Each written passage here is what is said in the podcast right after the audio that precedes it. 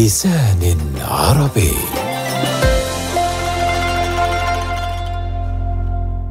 اثنا عشر حدثا لمنطقة بلاد الشام في آخر مئة سنة.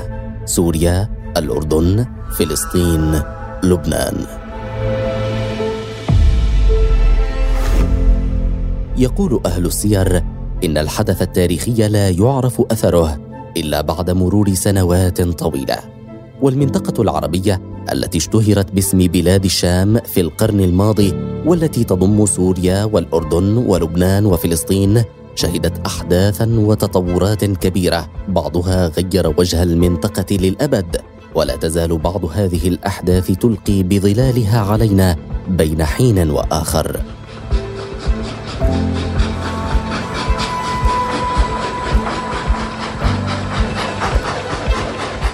ومن الطبيعي الا تكون هذه المجريات على قدر واحد من الأهمية لكن من المؤكد أن كلا منها ألقى حصاة في نهر التاريخ وكل حدث منها أخذ بقدم أخيه كأحجار الدومينو. حتى ليظن المطلع أن الحدث الأخير ما هو إلا حلقة مؤجلة من الحدث الأول أو سبب غير مباشر له. إذا أردنا تقسيم التاريخ الحديث إلى حلقات منفصلة وهذا أمر بالغ الخطورة إذ إن الأحداث التاريخية لا تكون بهذه البساطة والسلاسة في الانتقال من النقطة ألف إلى النقطة باء.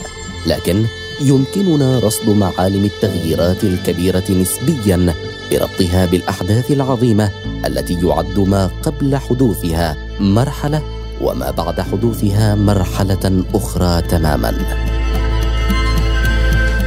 فسلسلة الأحداث التي نرتجي التوقف عندها ومعرفة آثارها تقع في الفترة الزمنية بين الحرب العالمية الأولى عام 1914 وعام 1918 وصولا إلى وقتنا الحالي عام 2020 الوعد الذي قتل فلسطين مرتين. الزمان تشرين الثاني عام 1917 المكان وزارة الخارجية البريطانية. عزيزي اللورد روتشيلد يسرني أن أبلغكم بالنيابة عن حكومة جلالته بالتصريح التالي الذي يعبر عن التعاطف مع طموحات اليهود الصهاينة التي تم تقديمها للحكومة وقد وافقت عليها. إن حكومة صاحب الجلالة تنظر بعين العطف إلى تأسيس وطن قومي للشعب اليهودي في فلسطين وستبذل قصارى جهدها لتحقيق هذه الغاية على الا يجري أي شيء قد يؤدي إلى الانتقاص من الحقوق المدنية والدينية للجماعات الأخرى المقيمة في فلسطين أو من الحقوق التي يتمتع بها اليهود في البلدان الأخرى أو يؤثر في وضعهم السياسي سأكون ممتنا لك إذا ما أحطتم الاتحاد الصهيوني علما بهذا البيان. المخلص آرثر بلفور. بهذه الرسالة القصيرة التي لا تتجاوز الأسطر العشرة بدأ تاريخ جديد في المنطقة العربية بشكل عام وفي فلسطين بشكل خاص حيث مهدت هذه الرسالة وهذا الوعد لأكبر عملية احتلال في العصر الحديث على مرأى ومسمع العالم كله فمن أين بدأت الحكاية؟ لنفهم تفاصيل القصة علينا أن نعود بالتاريخ للوراء قليلا وتحديدا لمرحلة الاستعمار الأوروبي الذي بدأ نشاطه في القرن الثاني عشر الميلادي وكان في بدايته يغلب عليه الطابع التجاري قبل أن تتحول الغزوات الأوروبية إلى حروب مقدسة دينية بلغت ذروتها فيما يعرف بالتاريخ باسم الحروب الصليبية. مع نهاية القرن الثامن عشر بدأت مخايل الضعف تظهر في جسم الدولة العثمانية وكان من الواضح أن هذا أسعد الدول الأوروبية المستعمرة لاقتسام الغنائم منها والسيطرة على مقدراتها. وكانت كل من فرنسا وبريطانيا فرسي رهان في سباق الاستعمار فقسمت البلاد العربية بين هاتين الدولتين وكانت سوريا ولبنان تحت الانتداب الفرنسي وفلسطين تحت الوصاية البريطانية ومن هنا بدأت الحكاية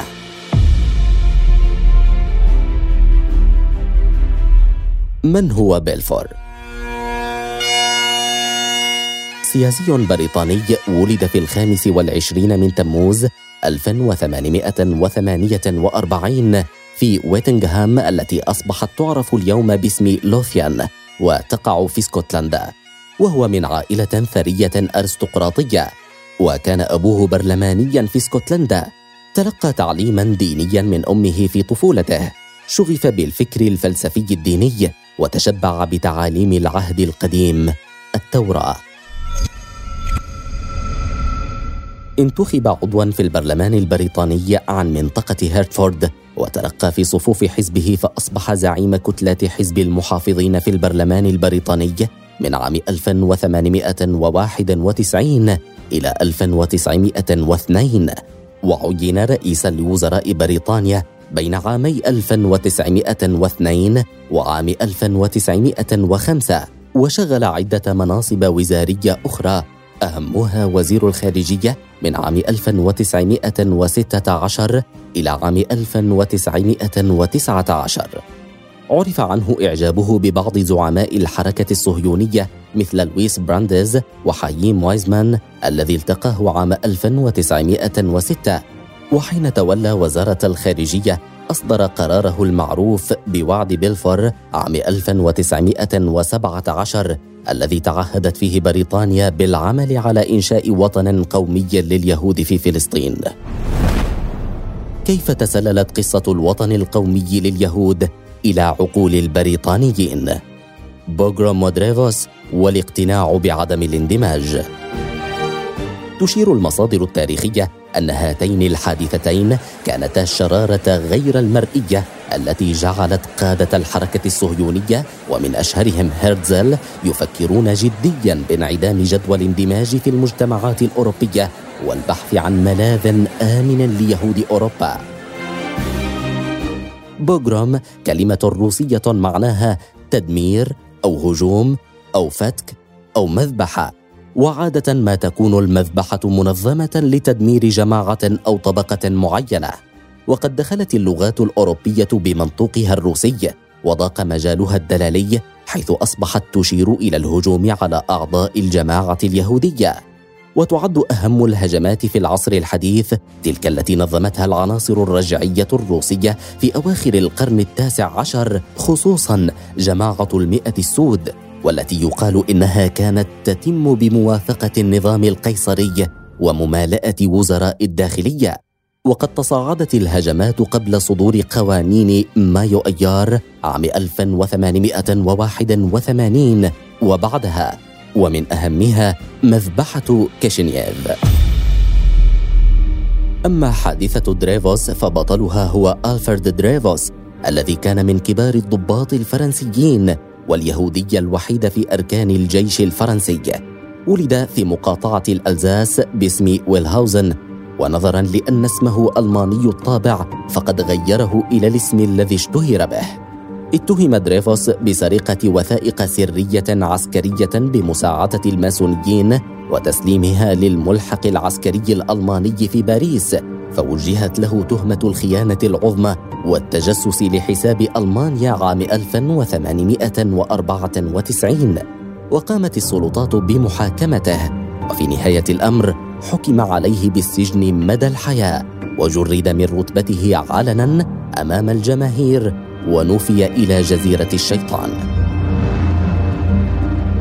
وفي عام 1896 اكتشف رئيس مخابرات الجيش جورج بيكار أدلة تثبت براءة دريفوس من التهم المنسوبة إليه وتشير بأصابع الاتهام إلى شخص آخر هو الميجور استرهازي الذي لعب دورا مهما في سير أحداث القضية. إذ انتهت إلى الإدانة التامة لدريفوس وحاول بيكار إقناع المسؤولين بإعادة المحاكمة لكنه أمر بالتزام الصمت ونقل إلى تونس بسبب ذلك. يقال إن واقعة دريفوس تركت أثرا عميقا في نفس ثيودور هيرتزل إلى درجة اكتشف معها عبث محاولة الاندماج وتبنى بدلا منها الحل الصهيوني. بريطانيا وجاليتها اليهودية. يفيد عبد الوهاب المسيري في موسوعة اليهود واليهودية والصهيونية بأن الفكرة الصهيونية عرضت على اليهود الإنجليز المندمجين في المجتمع البريطاني فعارضوها بينما أيدها يهود اليديشيا الذين تضاعفت أعدادهم في بريطانيا عشر مرات جراء الهجرة من شرق أوروبا بين عامي 1850 وعام 1910 ليبلغوا 242 ألفاً. وفي عام 1900 عقد المؤتمر الصهيوني الرابع في لندن وتوجه فيه ثيودور هيرتزل إلى يهود اليداشيا جراء معارضة يهود إنجلترا للمشروع الصهيوني.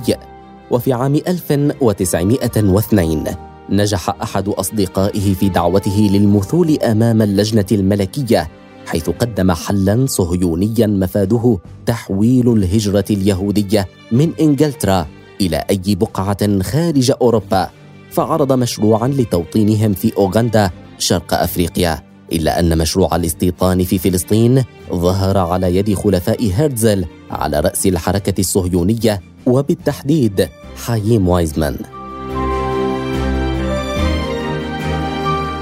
حايم وايزمان هو عالم كيمياء يهودي روسي الأصل درس في ألمانيا وانتقل للعيش في بريطانيا عام 1904 حيث عمل أستاذا في جامعة مانشستر ومع إنشاء الكيان الصهيوني عام 1948 أصبح أول رئيس له.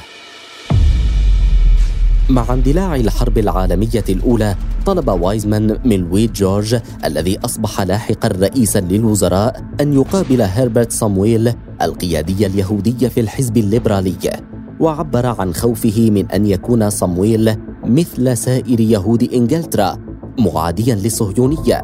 ولكنه فوجئ بأن صمويل هذا صهيوني هو الآخر وحينما تقدم بطلباته الصهيونية أخبره صمويل بأن طلباته هذه متواضعة أكثر من اللازم وأن عليه أن يفكر بمستوى أكبر من ذلك ما الذي جعل بريطانيا متحمسة للفكرة الصهيونية أكثر من غيرها؟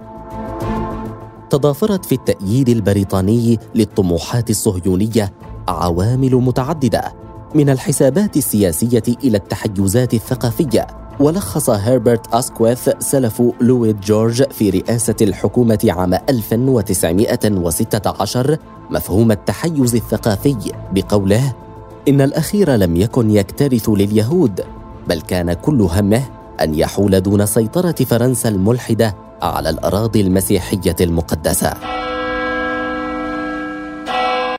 يربط الأكاديمي البريطاني ليونيل غوسمان أسباب الدعم البريطاني للصهيونية بمجريات الحرب العالمية الأولى ويقول إن هنالك تفسيرات أولها استراتيجي حيث إن إنشاء مستعمرة يهودية معتمدة على بريطانيا على مقربة من قناة السويس قد يكون مفيدا في تحقيق الغاية الاستراتيجية لبريطانيا المتمثلة بحماية الطريق إلى الهند. والثاني لا سامية الاستعلاء القائم على الاعتقاد بأن اليهود يمسكون بزمام الأمور من خلف الكواليس ويسيطرون من طرف خفي على الحكومات بما في ذلك الحكومة الروسية والأمريكية. وكان لدى ويلسون مستشارون يهود صهاينة تطلع بريطانيا لضمان إبقائهم. وقد كان أبرز مستشاريه كفيليكس فرانكفورتر ولويس برانديز من الصهاينة المتحمسين. وعلى الرغم من أن الولايات المتحدة دخلت الحرب في نهاية الأمر فإن البريطانيين كانوا مرتابين من أمر الرئيس ويلسون. لذا كان من مصلحة بريطانيا وجود مستشارين يحفزونه على البقاء والقتال حتى النهاية. والتفسير الثالث حسب جوزمان هو الثورة البلشفية حيث كان الكثير من زعمائها من أصل يهودي وكان البريطانيون يظنون أن الانتماء اليهودي لليهود البلاشفة يطغى على انتماءاتهم الأخرى ولذلك رأوا أنه لا بد من منح اليهود شيئا يرضيهم ويضمن التزامهم هم أيضا بخوض القتال حتى آخر لحظة. في الواقع كان هناك عاملان حاسمان في تلاقي المصالح البريطانية الصهيونية. أولهما أن عالم كيمياء روسي الأصل في جامعة مانشستر يدعى حايم وايزمان كان قد اكتشف طريقة للإنتاج السهل والمكثف لمادة الأسيتون الضرورية لتصنيع المتفجرات التي كانت بريطانيا بأمس الحاجة إليها في الحرب. وهو ما دفع لويد جورج للقول على سبيل الدعابة إن مادة الأسيتون جعلتني أعتنق الصهيونيه العامل الثاني أن مجموعة من الناشطين الصهاينة القادمين من شرق أوروبا قد بذلوا خلال عشرين عاما مساعي لدى النخبة الحاكمة البريطانية وقد تمكنوا من إقناعها بأن دعم الأهداف الصهيونية سيخدم المصالح البريطانية. سايكس بيكو وبلفور وتقاطع المصالح. في يونيو حزيران عام 1917 اجتمع الزعيمان الصهيونيان حايم وايزمان واللورد روتشيلد مع وزير الخارجية البريطاني اللورد آرثر بيلفور وطلبا إعلانا رسميا من الحكومة البريطانية بدعم الصهيونية. وبعد خمسة أشهر بعث اللورد بيلفور رسالة إلى اللورد روتشيلد تتضمن نص الوعد. وكان معد الرسالة هو حاييم وايزمان. وقد أرسل وعد بيلفور إلى روتشيلد في هذا الشهر الذي كشف فيه البلاشفة المنقلبون على القيصر الروسي في أدراجه وثيقة الاتفاق السري بين الضابط البريطاني مارك سايكس والدبلوماسي الفرنسي جورج بيكو. وكان الاثنان قد كلفا بمعرفة روسيا بإجراء مشاورات في إطار مساعيها لتقسيم تركة السلطنة العثمانية التي كانت تسمى الرجل المريض. وجرت مراسلات سرية وتبادل وثائق تفاهم في هذا الشأن بين وزارتي خارجية البلدين بين نوفمبر تشرين الثاني عام 1915 ومايو ايار 1916 وكانت بريطانيا الطرف الأقوى بين الدول المذكورة تجري اتصالات في الوقت نفسه مع أمير مكة الشريف حسين بن علي الذي كان يخطط لإعلان الثورة وتأسيس مملكة عربية. وتم التوقيع على الاتفاق سرا بين سايكس وبيكو في السادس عشر من مايو أيار من عام 1916 وصادق عليه وزير الخارجية الروسي سازونوف لكن أمرها كشف دون رغبة الضالعين فيها في نوفمبر تشرين الثاني من العام التالي. عند صدور وعد بلفور في الثامن من نوفمبر تشرين الثاني عام 1917 كان عدد أفراد الجماعة اليهودية في فلسطين يمثل خمسة بالمئة من عدد السكان وقد ضاعفت الحركة الصهيونية أنشطة تهجير اليهود إلى فلسطين بالتواطؤ مع حكومة الانتداب ويمكن تلخيص أبرز الأحداث التي سهلت إنشاء دولة لليهود في فلسطين كما يلي. في عام 1919 35 ألف يهودي يهاجرون إلى فلسطين حيث بلغت نسبة اليهود إلى مجموع السكان هذا العام 12% يملكون 3% من الأراضي. 1920 إنشاء الهاغانا المنظمة العسكرية السرية الصهيونية. 1924 إلى عام 1928 67 ألف مهاجر صهيوني يأتون إلى فلسطين نصفهم من بولندا فيرفعون نسبة اليهود إلى 16% من مجموع السكان يملكون ما نسبته 4% من الأرض. 1925 تأسيس الحزب التصحيحي في باريس وهو يصر على إقامة دولة يهودية في فلسطين وشرق الأردن. 1931 إنشاء منظمة الأرجون الإتسل لمواجهة العرب بعنف أشد. 1936 لجنة بيل توصي بتقسيم فلسطين حيث يصبح 33% من البلد دولة يهودية ويرحل جزء من السكان العرب عن هذه الدولة. مجلس العموم البريطاني يصوت لمصلحة الكتاب الأبيض الذي يقضي بمنح فلسطين استقلالا مشروطا بعد عشرة أعوام ويسمح بهجرة خمسة عشر ألف يهوديا سنويا إلى فلسطين خلال الأعوام الخمسة التالية. 1947 بريطانيا تعلم الأمم المتحدة المشكلة حديثا بأنها ستنسحب من فلسطين. في التاسع والعشرين من نوفمبر تشرين الثاني تتبنى الأمم المتحدة القرار 181 القاضي بتقسيم فلسطين. 1948 الرئيس الأمريكي ترومان يتعهد بدعم القضية الصهيونية. مايو أيار 1948 الكيان الصهيوني يعلن الاستقلال والانتداب البريطاني ينتهي.